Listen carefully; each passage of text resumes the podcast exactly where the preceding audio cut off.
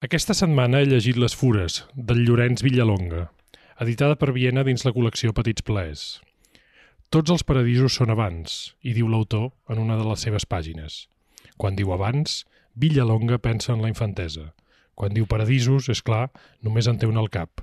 L'autor pensa en Bearn, l'univers real, imaginari, fantasiós, delirant, qui sap, de la saga literària inaugurada amb la novel·la Mort d'Adam el 1931 i que clou amb aquestes fures del 1967. Avui us parlaré d'un llibre que és una espècie de poema que primer recita els versos d'una Arcàdia feliç als ulls d'un infant i que, temps després, fa el trànsit a la visió crítica i adulta d'algú que ha vist la seva terra pervertida, com un objecte més del turisme de xancleta i també els seus amics ancorats en un món que ja no existeix. Les Fures és un llibre que es llegeix en poques hores, però que necessita de moltes vides i de moltes decepcions per tal d'entendre's. És potser el millor text per aproximar-se a Villalonga, un autor que va decidir llançar-se de cap a la nostàlgia sense convertir-se en un cursi ni en un mandrós, simplement perquè l'univers de l'enyor li va regalar un bon motiu per escriure bona literatura i també certes ganes per continuar vivint. Les Fures és una aventura en dos parts que manté un enigma més enllà de la vida de poble, idíl·lica i sovint risible que hi descriu. Un enigma que et persegueix molts dies després de cloure la darrera pàgina. Qui són aquestes fures de les que tot el poble desconfia? No només són dues solitàries endolades, les dues bruixes misterioses que, de fet, escampen la seva ombra per tot aquest llibre, però no acabem de veure mai. Les fures som nosaltres, la nostra por atàvica, la nostra especial tendència a buscar un culpable i entaforar-li tota la nostra ira, també les nostres frustracions, també són els homes i dones castrats de la tribu. Villalonga no escriu les fures sol, ho fa acompanyat dels seus millors amics francesos. Primer ja ho sabeu de Proust, D'aquí l'autor no només n'aprèn a parlar de la decadència de les coses i dels llinatges, sinó sobretot entendre que el paisatge és una creació del cervell humà. Diu, si he parlat de l'església, de la posada de Bearn o de l'abeurador barroc de la plaça, és perquè darrere aquestes coses hi ha, en carn viva, l'home que les ha creades. Proust és el seu àngel, però Villalonga no és un idealista ni creu en l'home perfecte, ja em direu quina pèrdua de temps, perquè també té un dimoniet que es diu Voltaire, que l'ajuda a fotre's de tot una mica i sobretot de les desgràcies i dels cretins que es posen transcendents. Diu, Júpiter disposava del llamp. L'home no en disposa. I el llamp cau on cau. Després vindran els moralistes amb les seves interpretacions. Aquesta setmana he llegit Les fures de Villalonga, però no ho he fet sol. Amb mi ho han fet la crítica literària Marina Porres i l'escriptor Jaume C. Pons a l'Orda. Soc en Bernat de Déu i sou a l'illa de Mayans, el podcast de la llibreria Ona. This is my island in the sun Where my people have toiled since time begun I may sail on many a sea, her shores will always be home to me. Oh, island in the sun, built to me by my father's hand, all my days I will sing in praise of your forest waters, your shining sun.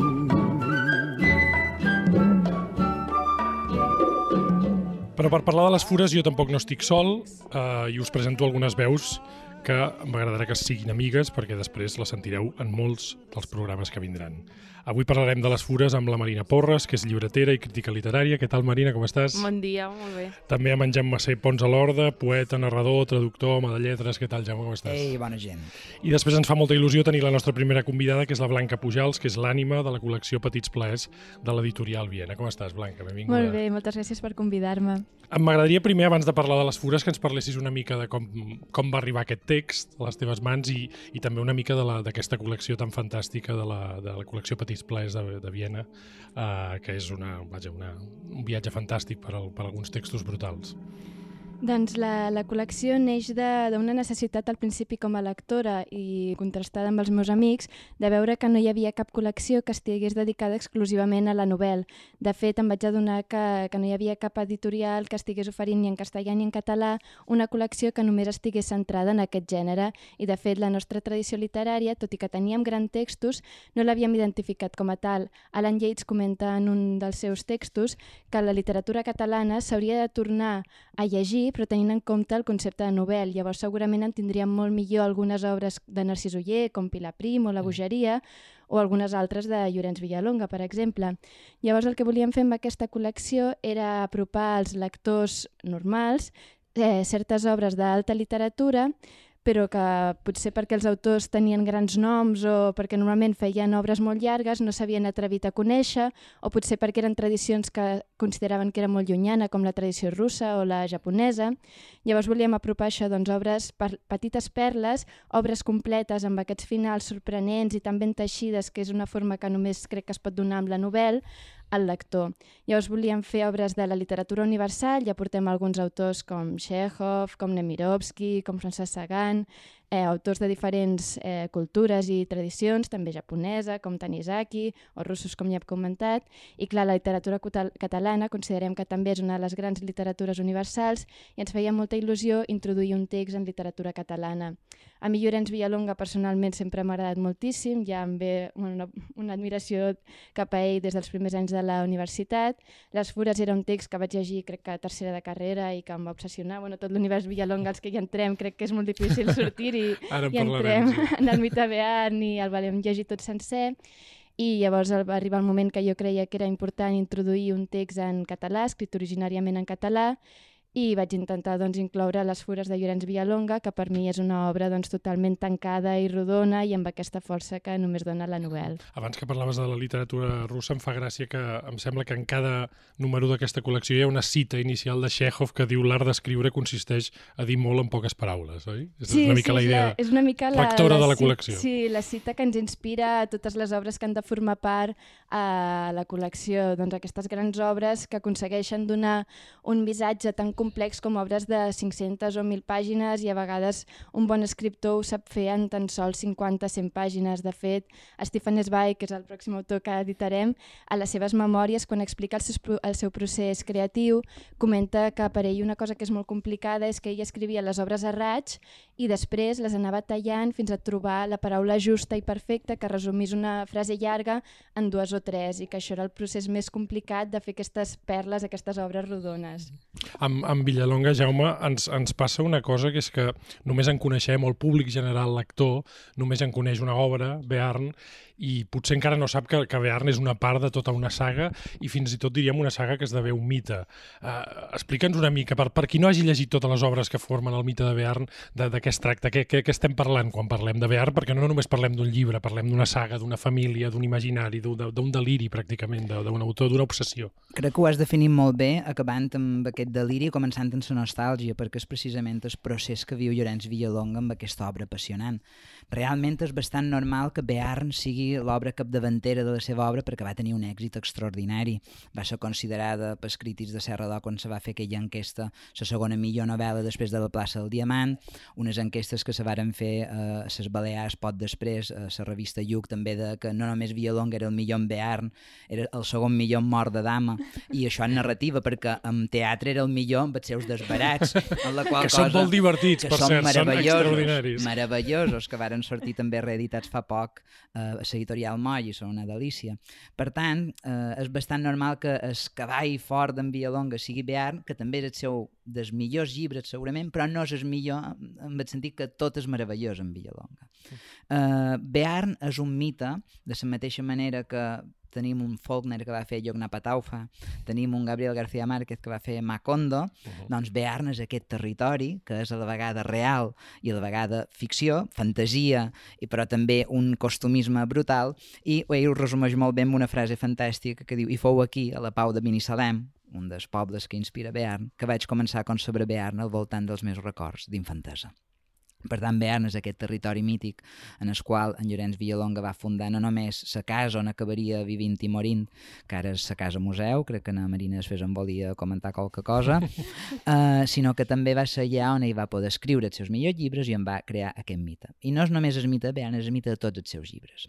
Fins i tot un cicle que con... se pensa que és com a inferior, com el cicle Flor la Viny, que comença amb l'Àngel Rebel, que continua amb la Gran Batuda i que continuen les obres de Nalulu, se considera que són novel·letes fàcils, però fins i tot aquí Bearn porta els seus tentacles.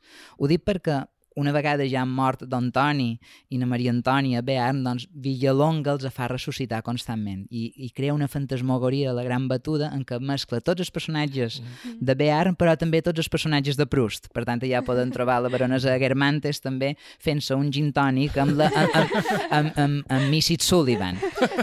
Per tant, Bearn és macrocosmos que crea Llorenç Villalonga per donar un escenari a les seves grans criatures literàries. Hem començat eh, contravenint els mestres amb la, potser amb la categoria. Uh, ara anem a una mica a l'anècdota del llibre, Marina. Què, què, què explica exactament la, les fures i, i per què? És un llibre que tu t'ha interessat molt. Des, quan vam pensar en començar l'illa de Mayans amb un llibre, el Jaume i la Marina van dir de seguida hem de començar amb les fures. Què, què hi passa que t'ha interessat a, a les fures? Perquè és un llibre, com deia ara el Jaume, on és molt petit, és un llibre que es llegeix en una tarda, com deia ara la, a la meva introducció, però, però on hi han molts, molts mites, molts temes. Hi ha la infantesa, eh? després parlarem de Proust, que és el nostre, el nostre primer prota del dia, del dia. Haurem de parlar de Proust. Ja us aviso que la illa de Tot Mayans... és una excusa per parlar de Proust. La illa de Mayans bàsicament és un programa amb l'excusa de parlar de Proust i per tant ens posarem molt pesats, si ens passem ens ho dieu, però, però bàsicament hi ha, hi ha el tema de la infantesa, després hi ha el tema de la decepció. Què és, què és el que el lector pot trobar en aquell llibre tan, tan brutal? Clar, a mi a mi m'ha interessat uh, les fures perquè ens permet veure molt bé aquest final del cicle de Bearn. A mi Villalonga és un senyor que m'interessa moltíssim perquè és uh, un dels escriptors catalans que té tanta cosa uh, publicada, que va escriure tant, que ens permet molt bé uh, veure no només una obra mestra, o no només una obra bona com seria Bearn, sinó que tot un cicle. Jo l'altre dia parlàvem d'un llibre que es diu El cicle de Bearn, que és un llibre uh, que va editar la Magrana i on va reunir uh, quatre novel·les sobre Bearn. Llavors allà es veia molt bé com ell anava creant el mite, com ell anava col·locant tots els personatges, anava posant tots els llocs, com anava creant els diàlegs per veure què és el que, què és el que aquest senyor volia plantejar, no? I a les fures el que es veu és el final d'aquest món. La frase que has, que has citat al principi, que és com una mica el, el leitmotiv d'aquest llibre, no? Els únics paradisos que existeixen són els perduts. Clar, Villalonga és molt pesat amb això. Sigui, aquesta frase...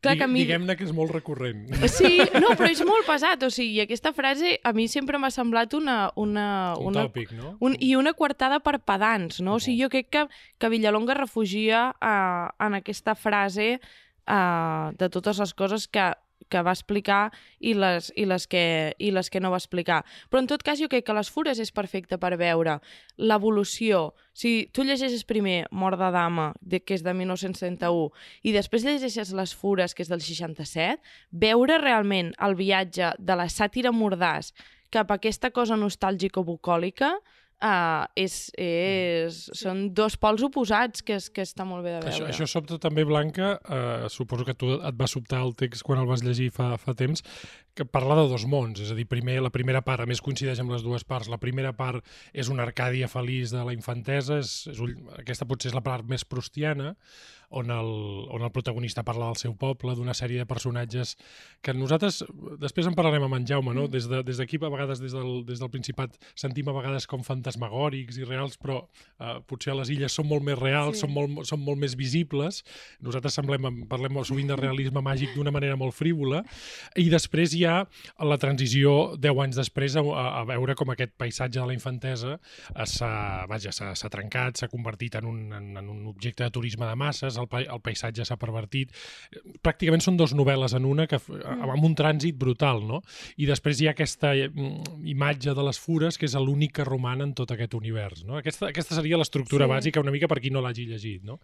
Sí, jo crec que Les Fures és una obra que ens és, bueno, és perfecta per introduir-te a, la, a la literatura Llorenç Villalonga perquè recull les tres etapes de Villalonga. La seva primera etapa és la que comentava la Marina, que sobretot el seu representant és Mort de Dama, que és la part més sàtira, que ell explica un món que s'enfonsa, però, des, però encara no s'ha enfonsat. De fet, la mort de Doña Obdúlia és el final d'aquest món i ja fa una petita reflexió que encara no, de veure el que vindrà, ja fa una reflexió del món modern que s'està acostant. Bearn, que seria el principal representant de la segona etapa, és la nostàlgia, és l'Arcàdia perduda, és, és parlar d'aquest món anterior on, on tot era millor. I hi ha aquesta tercera etapa, que és autobiogràfica, que, que el que recull és les dues anteriors. A la primera meitat, que parla del món de la infantesa, trobem la segona etapa nostàlgica i a la segona part del llibre, que parla del món, bueno, el seu món actual, eh, trobem la sàtira de la primera part. Veiem que el primer món, que era un pessebre perfecte, uh -huh. bucòlic, a la segona etapa, al mirar, al final no deixa de ser el propi narrador, el propi Villalonga, que bueno, diu que el personatge és coix per, per que es justifiqui una mica aquesta amargura amb la qual parla del món, ja té aquesta sàtira i bueno, llença una, unes prediccions apocalíptiques que desgraciadament moltes s'han anat complint i llavors es combina perfectament les dues etapes de Villalonga. Per això crec que és una obra que va molt bé per introduir-se al món de Villalonga. Mm. La, la primera part, abans parlàvem del nostre primer prota, que és el Proust. um, com, com, com, diguéssim, com es tradueix? Com, com diríeu que Vilallonga agafa aquest uh, Proust i, i el treu a passejar? Que, en, en què es nota, bàsicament? Marina, Home, tu? clar, és, és un llibre que tu l'obres i llavors el que veus és que el protagonista és un nen mm -hmm. absolutament consentit per la seva mare Malaltís, i que, més aviat. i que més està malalt i, i, i al llit, no?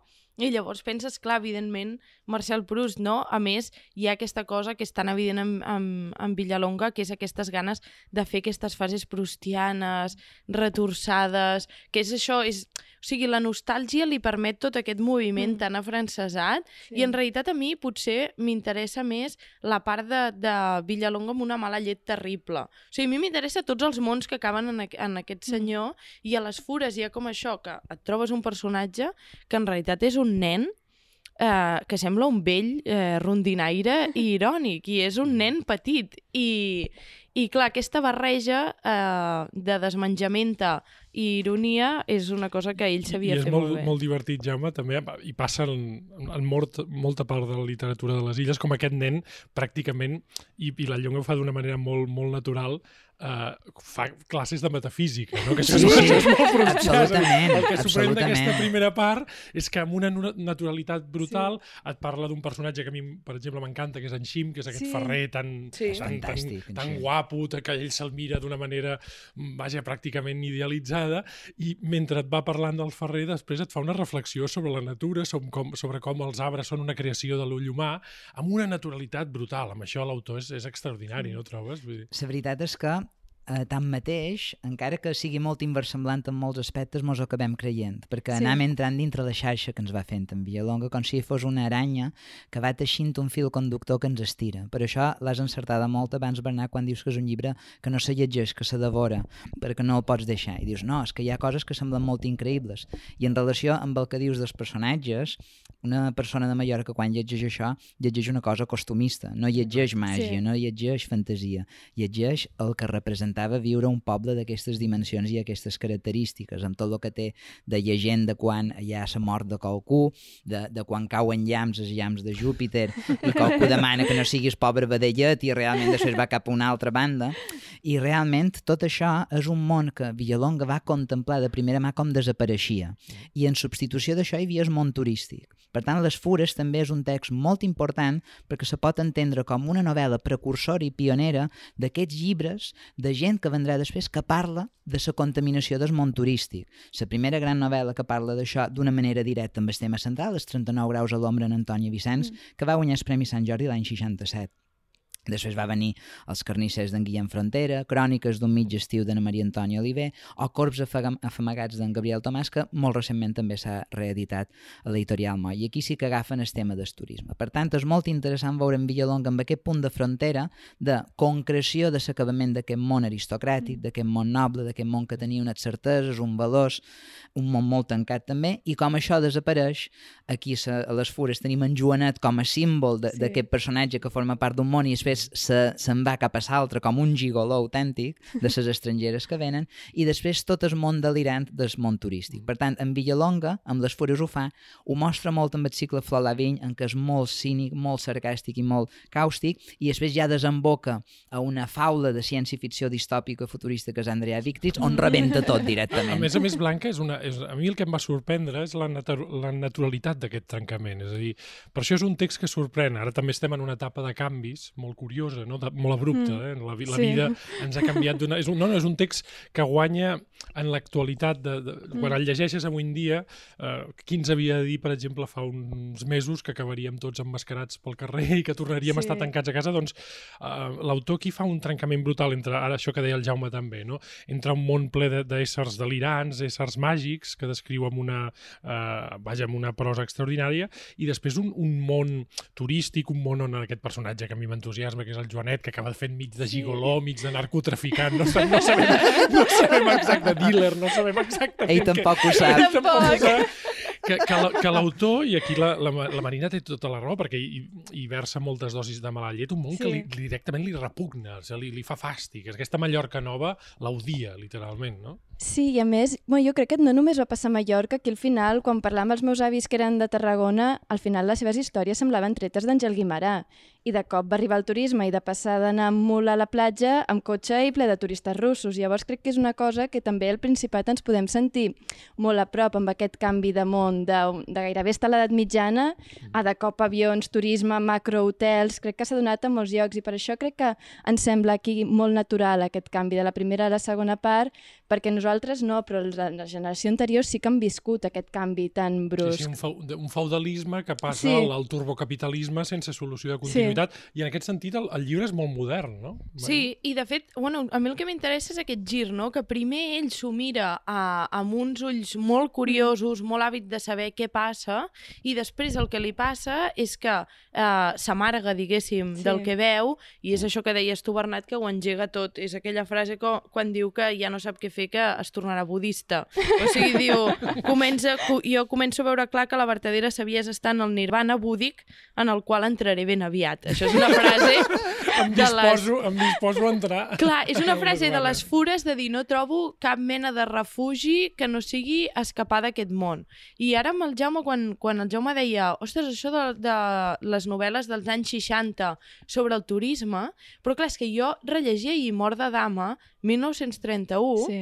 I clar, en realitat ell ja ho veu tot als Mm. anys 30. O sigui, ell està descrivint, i us m'agradaria llegir al principi... I tant, ets a casa teva. De- Feel, free. Al principi de Mort de Dama, quan eh, Vilallonga descriu la part antiga de Mallorca, o sigui, ell el que veu, per, per el, si, si no heu entrat encara al mite de Bearn que comença per aquí, ell el que veu que la, la seva illa s'està transformant.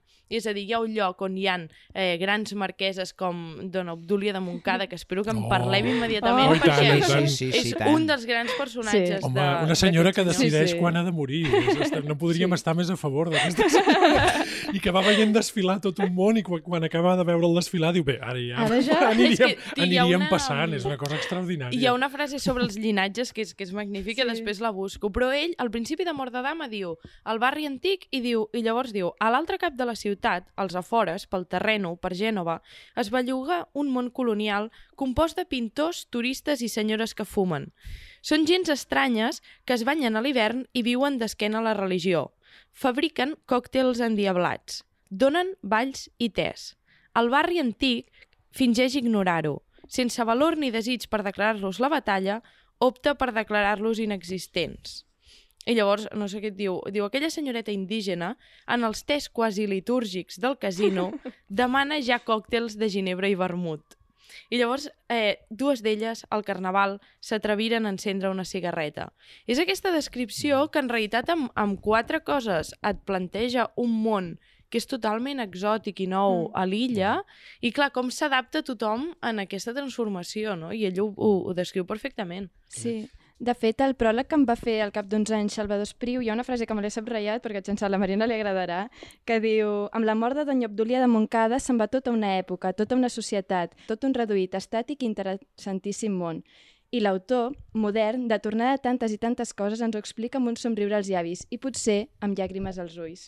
Clar, clar, és... Ho comença és... a veure. Bueno, perquè està com mig descol·locat, o sigui, Mm. hi ha d'haver una reacció de Villalonga cap a la desfeta de tot aquest món. I clar, no sé si això... O sigui, una via, per exemple, és l'escapisme aquest màgic que veiem Sí. en, en, en algunes coses, que a les fures apareix, apareix molt. Hi ha, hi ha una...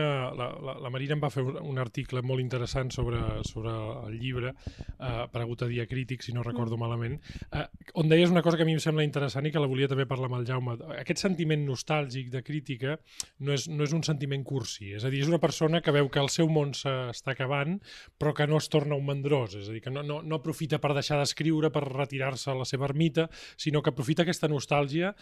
La nostàlgia és un pecat molt dels catalans. Sí. És- Sí, és, és, Sí, sí, sí. sí. és, No, és però una de és- les malalties nacionals, Sí, és a dir, sí. com que tot, eh, per dir-ho ràpid i malament, com que tot és una merda, doncs jo em retiro No, però- i ja vindran. Ell, ell aprofita aquesta nostàlgia com a motor. Per Però no és un... O sigui, jo dic, no és un rondinaire, però és un ancià melancòlic. Sí, sí. O sigui, el, el Sí. que passa és que es refugia en la melancolia. No, no, clar que no deixa de Ah, fer clar. coses. El que passa és que jo sí que crec que hi ha una diferència de, de qualitat i que ell és més bo en la sàtira Sí. que en l'elegia. Sí, sí. Sí. I, i, Jo i, penso. aprofita, I a més aprofita aquesta condició d'ancià per fer bona literatura, clar, perquè Sí. clar, si no en parlaríem com un rondinaire i n'estem parlant com un excels novel·lista. I tant, Mm. però també hem de tenir en compte una cosa, que és veritat que era un nostàlgic, que és veritat que era una persona molt reaccionària per moltes coses, era també una persona molt avantguardista per segons quines Sí, altres sí. opcions, això s'ha de recordar.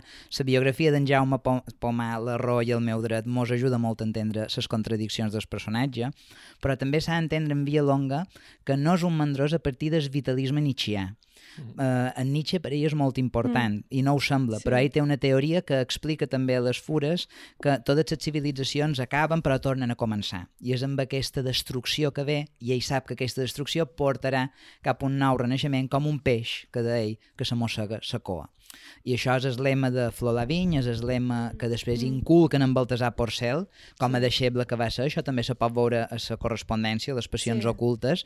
Per tant, que era nostàlgic, absolutament que li sabia greu ser testimoni de primera mà de tota aquella destrucció, sí.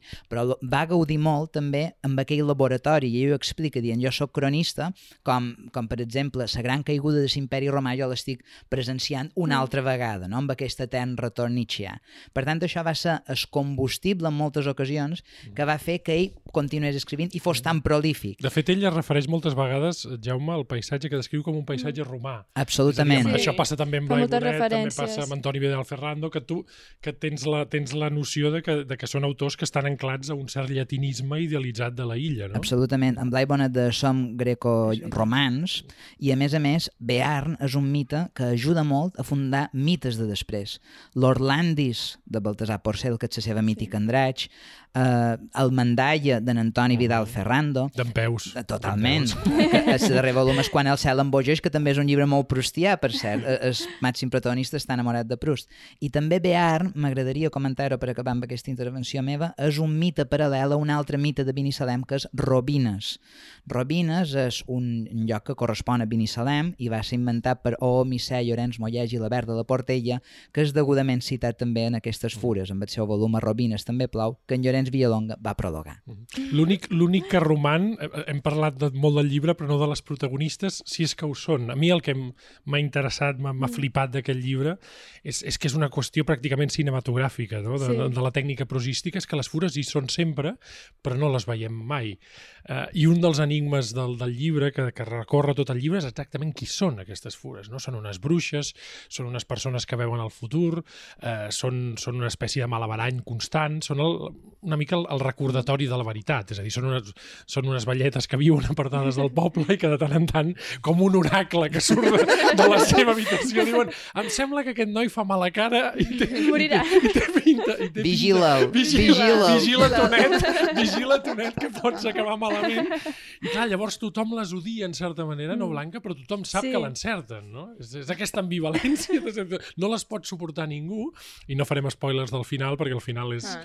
és molt especial, però, però, però hi són d'una manera sempre palpitant, tant a la primera part, de fet és l'única cosa que es manté igual a la primera part a la segona, la presència d'aquestes dues dones brutals que, que fins i tot t'arribes a imaginar, no? d'una manera Sí. molt vaga. Sí, sí, al final representen tot allò que és atàvic i totes aquelles pors que no són racionals i també doncs, al final que és més senzill al poble donar les culpes a les fures, aquestes dues dones, que són dues dones que van de negre i poca cosa més, que no doncs mira, pedregat i ja està, és com funciona l'any i no té més. En canvi és molt més Sí, fàcil sí. dir... El llamp- el llamp cau on cau, no?" La fura em va dir que, ui, que anés en compte amb els ametllers i ha pedregat, per tant és culpa de les fures. Això és, i a més, és molt divertit veure com el món atàvic de la primera part des, eh, conviu amb la figura de les fures amb els transistors, amb les ràdios de la segona Sí. part i amb les motos. Llavors les és- neveres, les geladores... Eh?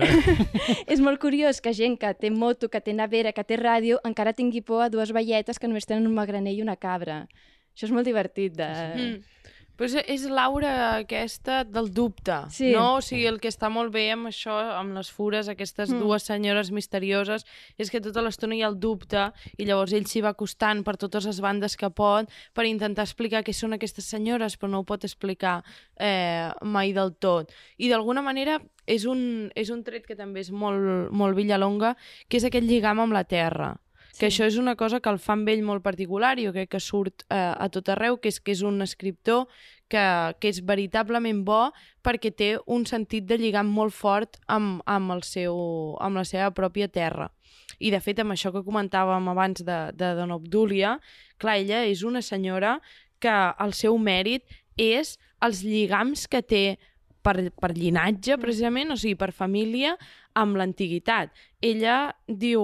Ella són la família Moncada i llavors li fa dir un personatge a, amb una novel·la magnífica, molt satírica, que es diu L'hereva de Dona Obdúlia sí. o a Les Temptacions, diu ella sempre havia sentit dir que els Moncada eren d'allò més enlairat de Mallorca i que descendien no del temps de la conquesta, que en descendeix tothom, sinó del conqueridor mateix.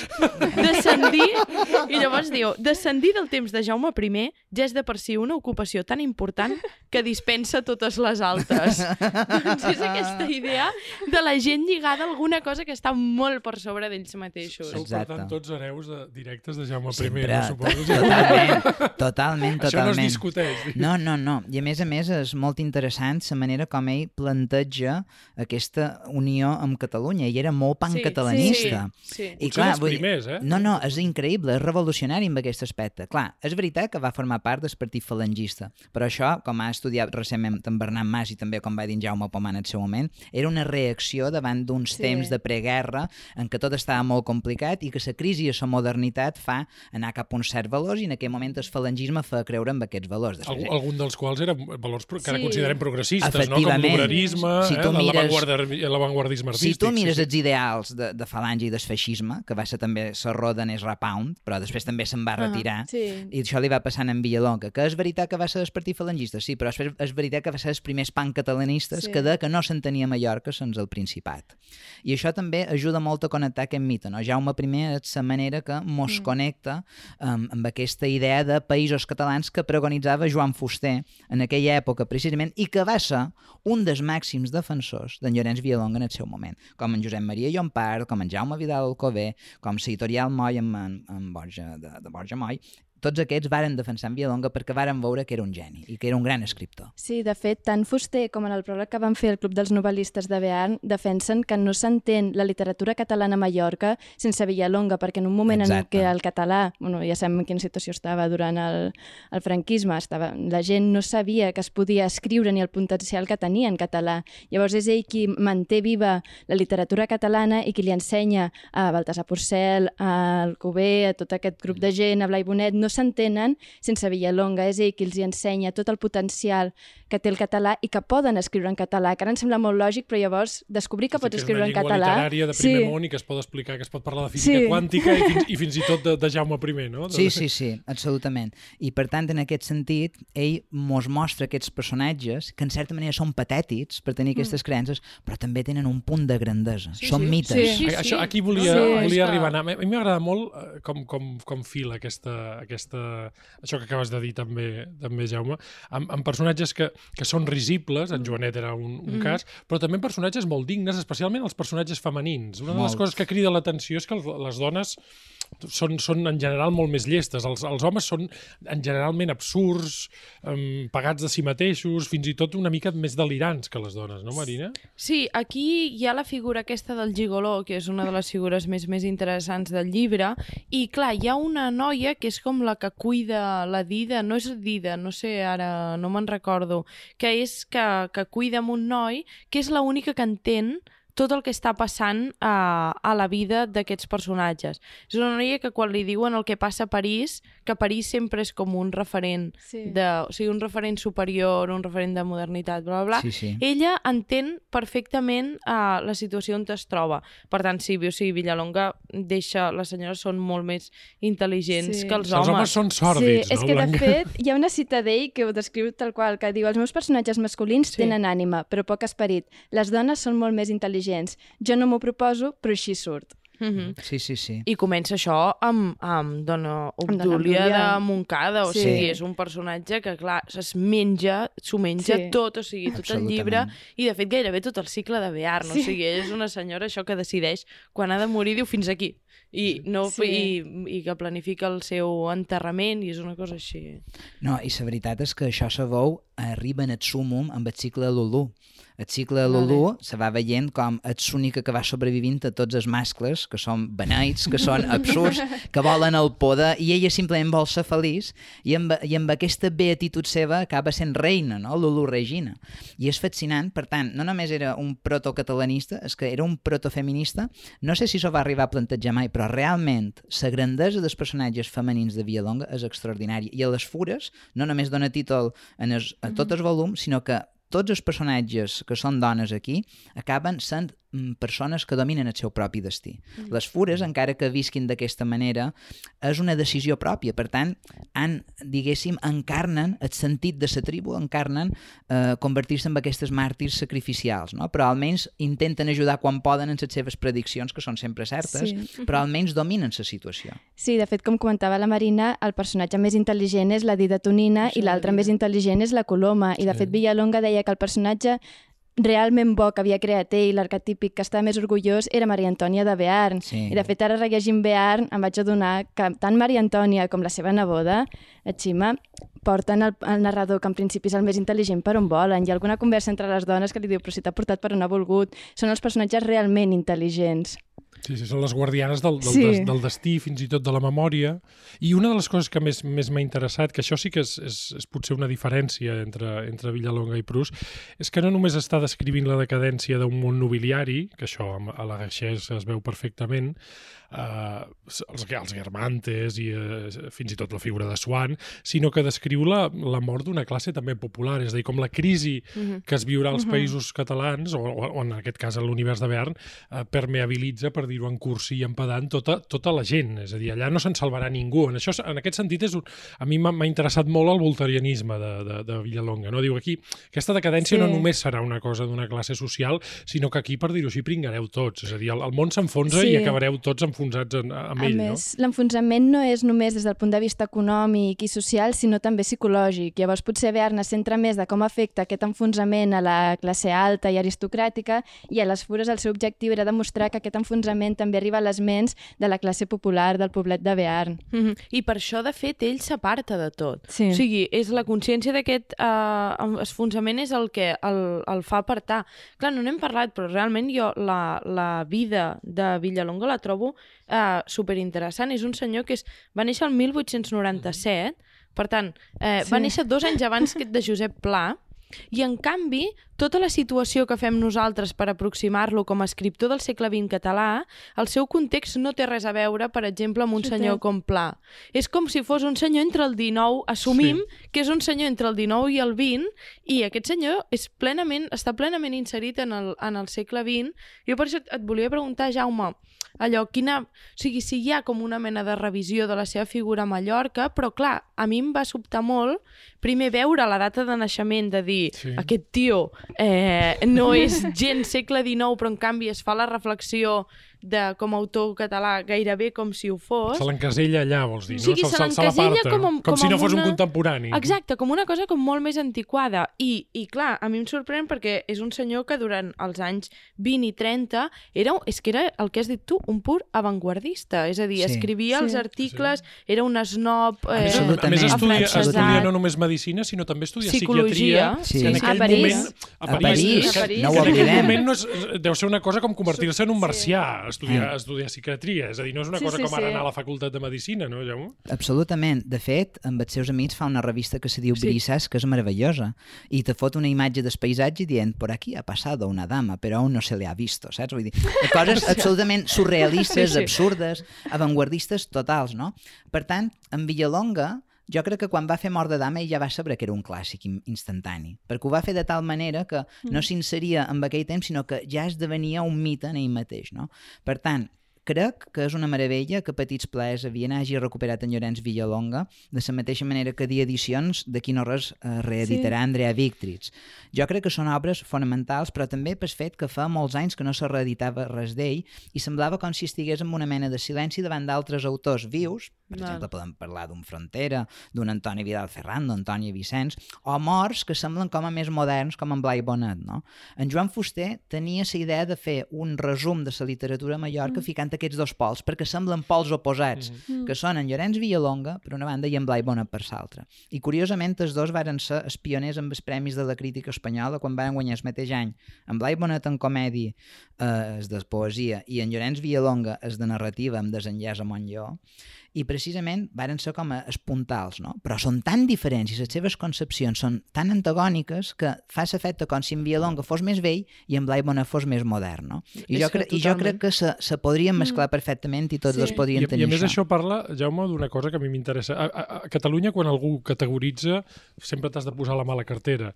No? I, I aquesta idea, fins i tot que hem tingut des d'aquí de Barcelona, de, de la literatura mallorquina com una cosa, per dir-ho així, d'antes, és a dir, Sí, sí, el que deies ara, vuit, vuitcentista, folclòrica, ens ha fet perdre'ns una literatura avantguardista que també parlava, en certa manera, d'un país d'un país modern. No? Sí. És a dir, aquesta categorització tampoc ha estat casual. No, i també s'ha de dir que segurament el fet d'on varen publicar llibres els autors de Mallorca dona molta a, a interpretacions i a, i a lectures posteriors. Els autors que varen publicar les Illes Balears, això va tenir molt mala distribució en el seu moment, però en canvi en Llorenç Villalonga va trobar Club Editor i després també Pro, en Joan Oliver, que va ser l'editor de la primera edició de Les Fures, no se va entendre amb en Villalonga quan el va visitar a la seva casa. De fet, hi varen tenir una sèrie de postures una mica complicades, però en Joan Oliver va ser prou intel·ligent com per dir potser no mos hem entès eh, políticament, diguéssim, però literàriament han de publicar en aquest bon home. En Joan Sales tenia un contracte en què en Villalonga totes les novel·les que feia les havia de passar ell. Per tant, Les Fures si el va poder publicar amb Joan Olivera perquè era una novel·la, era una novel·la curta que no s'ajustava a les mides d'en Joan Sales. Per això va sortir, però... Ostres! I, I el Misantrop té una història bastant semblant. El Misantrop la va començar a escriure en castellà i això a en Sales no li va agradar gaire i va dir no, aquesta no m'interessa tant. I també perquè té moltes coses sòrdides allà de quan ell estudiava a Saragossa. De fet, hi ha una cosa que a mi em va sorprendre del pròleg de, de Sales a, a Bearn, que, que vaig pensar que en realitat era... és com la perspectiva que ha quedat de, Vi, de Villalonga i no sé si s'hauria de, de revisar perquè Sales diu en aquest pròleg, diu, ell escriu novel·les mallorquiníssimes, diu, per què no, no estem llegint aquest senyor? Diu, ell escriu novel·les mallorquiníssimes però despreocupades, tan despreocupades com les podria escriure si la seva pàtria, en lloc de l'illa de Mallorca, fos l'illa de la Gran Bretanya. Que jo crec que aquest enfocament em sembla que li fa més mal que bé a, a Villalonga, perquè en realitat no. O sigui, Bearn no s'entén i, de fet, la, les novel·les més bones de, de Villalonga és quan ell es pot lligar tan de prop a, a un lloc que ha de ser aquest i no pot ser cap de la, altre. De, la, de la mateixa manera que Pla es relliga una relliga i Hmm. que qualsevol autor té el seu terreny natural i que, i que Proust té Combré, no? no? Sí, però que vull dir que això de veure-ho des de lluny és que ho vaig, em va sorprendre perquè aquest pròleg, que clar, és molt famós perquè realment és Sí, com la gran l'eleva. recuperació d'ell i llavors, clar, jo no, no, no en sé prou de com totes les lectures que, que s'han fet d'aquest senyor, per això et preguntava, Jaume, que no sé si, sé que hi va, o sigui, que és polèmica la seva postura política, és molt interessant en aquest sentit una entrevista que li fa a Baltasar Porcel, Sí, perquè és quan està, està vell i, i ho explica, i perquè realment hi ha una cosa que és que amb aquest senyor hi caben com moltes vides diferents. És a dir, hi ha això, aquests, es- els estudis a Saragossa, els estudis a llavors a París. Quan torna i passa tot això dels anys 30. Jo quan vaig anar a, a la casa, a la seva casa museu de Binissalem, que és un lloc que Això ho realment... havies d'explicar. Eh, ho havia d'explicar Sí, perquè sí. va Tenies ser... el pap. Sí, Però perquè va ser una cosa feta com molt per casualitat i les cases museu, a mi que tinc un fetichisme tremendo amb, amb aquests llocs, però crec que la de Villalonga està molt ben feta molt. perquè t'ajuda molt bé a veure com és que aquest senyor va acabar així. O sigui, com és que un senyor que va veure als anys 30 tota la modernitat és un senyor que um, als anys 30 té un liu amb una artista cubana que, pas, que Sí. estava per allà a Palma, amb una ballarina alemanya eh, que Ten- la deixa un fill, embarassada i, i tenen un fill. I acaba amb un pot en formol, que és el pot de formol de totes les seves novel·les. És que és veritat. Llavors És rapta, gros, llavors molt- rapta amb una senyora. Està fent Sí. una cara com dient, això no ho sabia, això no, No, ho sabia. és, un, és que... Rapta una lota brutal. que no era una mica tot, que era curta, simplement per provocar una mica en els seus pares. Una sentit Margalideta. clar, no, una margalideta i tant. I, és que si ho hagués sabut que se muntava aquest, aquest pollassa no ho hagués fet. Dir, tre- tre- 30, anys, 30 anys amb Baltasar Porcel li demana explicacions a ses cartes i com a disculpant-se dient era una broma que vaig fer i la cosa se va liar, no? Simplement la vaig endur un cap vespre. No varen va fer res, no? però se va complicar però el tema. imagineu-vos, per tant, un senyor així a Palma als anys 30 fent la revista aquesta Brises, que és totalment una, una nada d'olla, i llavors ell, el que passa és que jo tenia al cap la idea d'aquest senyor totalment, eh, totalment avantguardista, i llavors el que veiem és que ell s'acaba, quan ve la guerra, s'acaba refugiant amb la seva mm, muller, que finalment es casa amb una senyora que es diu Teresa Gelabert, que és vídua, és una parenta llunyana, és rica, per tant, és un matrimoni de conveniència, Sí. i de fet Binissalem és el poble d'ella, Ella. i llavors ell, els dos, passada la guerra, quan um, aquest senyor veu que tot està perdut, se'n van els dos en aquest refugi, que és aquest casalot de Binissalem. I clar, tu pots anar a veure la casa museu, que és com de dir, val, aquí Vilallonga va dir uh, fins aquí hem arribat i ara em dedico a descriure en aquest despatx que tinc, un despatx tronadíssim. Talment, Tot, talment. tot vellut, bueno, Sòrdid. sòrdid, Sòrdid. sòrdid. Total. I clar, allà veus perfectament uh, la vida que devia tenir aquest senyor amb, amb, amb una muller que es veu que, clar, era una mica era molt severa, era més gran que ell, em sembla, Sí. i era com tot molt sèrio, i veus allà al jardí de la casa, a l'interior, l'exposició aquesta permanent que hi ha, que et diuen un senyor que feia totes aquestes bogeries pe, pel terreno va acabar aquí eh, aïllat totalment en aquesta casa, no? I és, és bonic. Sí, de, de fet el seu pròleg és que té una frase d'ell que jo crec que defineix molt tota l'obra de Villalonga, que diu «Durant la guerra el refugi natural fou el camp, on la pobresa no es confon amb la misèria. Rebutjant mort de dama vaig intentar retratar Eh, vaig, fer intent, vaig intentar fer el retrat, o si voleu, el poema de Mallorca, d'una certa Mallorca, la meva, en definitiva. Hi ha, hi ha també una cosa, per, per anar acabant, uh, uh, que, que a mi m'ha sorprès del- del- de- d'aquest llibre també, perquè ara parlàvem de poema, no? jo també m'hi he referit quan he començat. Eh, És, és també d'una gran contemporaneïtat el gènere mateix, que, Sí. que definim com a novel, però jo quan llegeixo amb, a, amb Villalonga tinc la sensació d'estar llegint teatre, d'estar Sí. llegint narrativa, d'estar llegint poesia, és a dir, és, és, en aquest sentit és molt punky l'autor, eh? perquè no, no sé ben bé mai, per exemple, jo crec que, que, que, aquesta, que, aquesta, que aquesta novel·la clama crits ser teatralitzada, és a dir, Sí. estàs veient tota les- tota Sí. l'estona les escenes de platja, per exemple, quan es banyen, per Quan exemple, es amb en banyen, Joanet, és és una escena extraordinària i, i, i ho estàs veient pràcticament com si fos una pel·lícula, no? Sí, ho veig molt de pel·lícula o també en certa... Sobretot la primera part em recordava una mica Maria Rosa de Guimarà. Aquestes escenes més quotidianes de la gent... Sí, sembla més teatre a vegades. Sí, perquè ell té muntat l'escenari, llavors Sí. la gent va entrant i va sortint. Sí. Llavors Sí. ho podries fer. Això ho fa molt i, de fet, a, a Mort de Dama, que sí que s'ha portat el, Sí. el... O sigui, s'ha fet amb, amb teatre, perquè, clar, eh, té la capacitat de crear, com tot, obres que es mouen a partir d'un centre molt poderós. Sí. És a dir, Mort de Dama surt del llit de la Sí. senyora moribunda. Que Llavors, això, clar, així se va representar. Exacte. Era Sí. llit allà enmig de Amb Mercè Arànega, si no recordo sí, malament, exacte. era esplèndida. Ah, jo no l'he vista, una, eh, una no representació increïble. I això també demostra que Les Fures és un llibre absolutament perfecte per aquesta època postmoderna. És, eh, és un postmodern, perquè Mm. podria ser una mescla de gèneres i al mateix temps és narrativa però també assaig. Quan te comença a dir, no, en Baltasar Porcel en un article diu, Sí. és una reflexió, no? En, en Llorenç Mollà Sí, diu sí, això. sí. I per tant, és un llibre, Les Fures, que pot servir per molta, per molta gent que tingui prejudicis amb en Villalonga Mm. i descobrir un autoràs. És un llibre que crec que ajudarà a que se torni a parlar d'en Llorenç Villalonga i també crec que és un llibre que farà que molta gent passi molt de gust i descobreixi una gran col·lecció. Blanca, ens havies parlat de que uh, ara s'editarà una Stefan Zweig. Ens, ens pots parlar de, Sí. de què serà? Ens pots donar l'exclusiva avui I que tant, som el primer tant. dia? Oh, em fa molta il·lusió perquè arriba aquest divendres a llibreries. És la mort de l'Èrica Edwal. Era inèdit en català. Per mi era un llibre que també el vaig llegir fa molts anys i també em va obsessionar molt. El vaig llegir en una altra traducció antiga.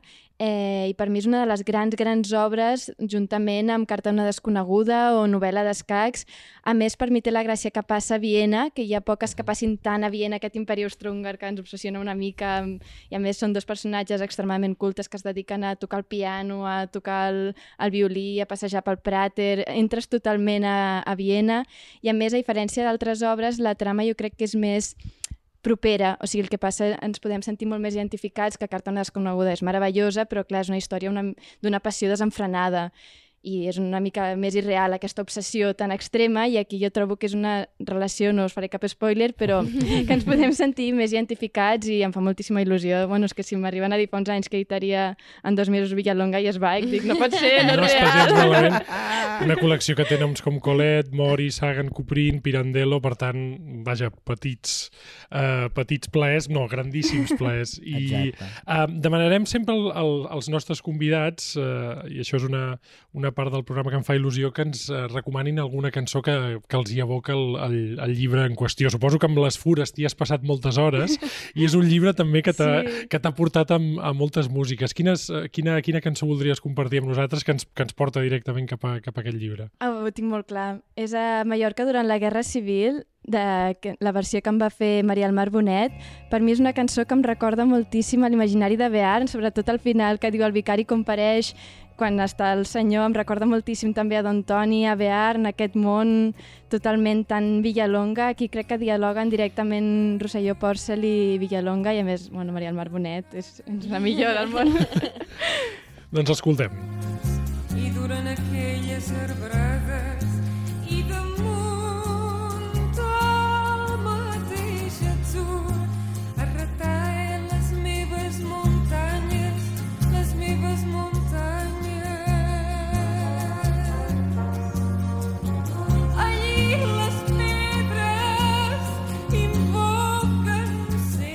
Doncs després de la música eh, us, eh, us haig de tallar, nois, perquè eh, hem dit tantes coses que se- se'ns ha passat el temps. Ens escoltarem la setmana que ve a, a l'illa de Mayans eh, i ens escoltarem durant moltes setmanes, espero, i durant molts anys, espero, en aquest nou espai de llibres, de pensament eh, i de fantasia de la llibreria Ona.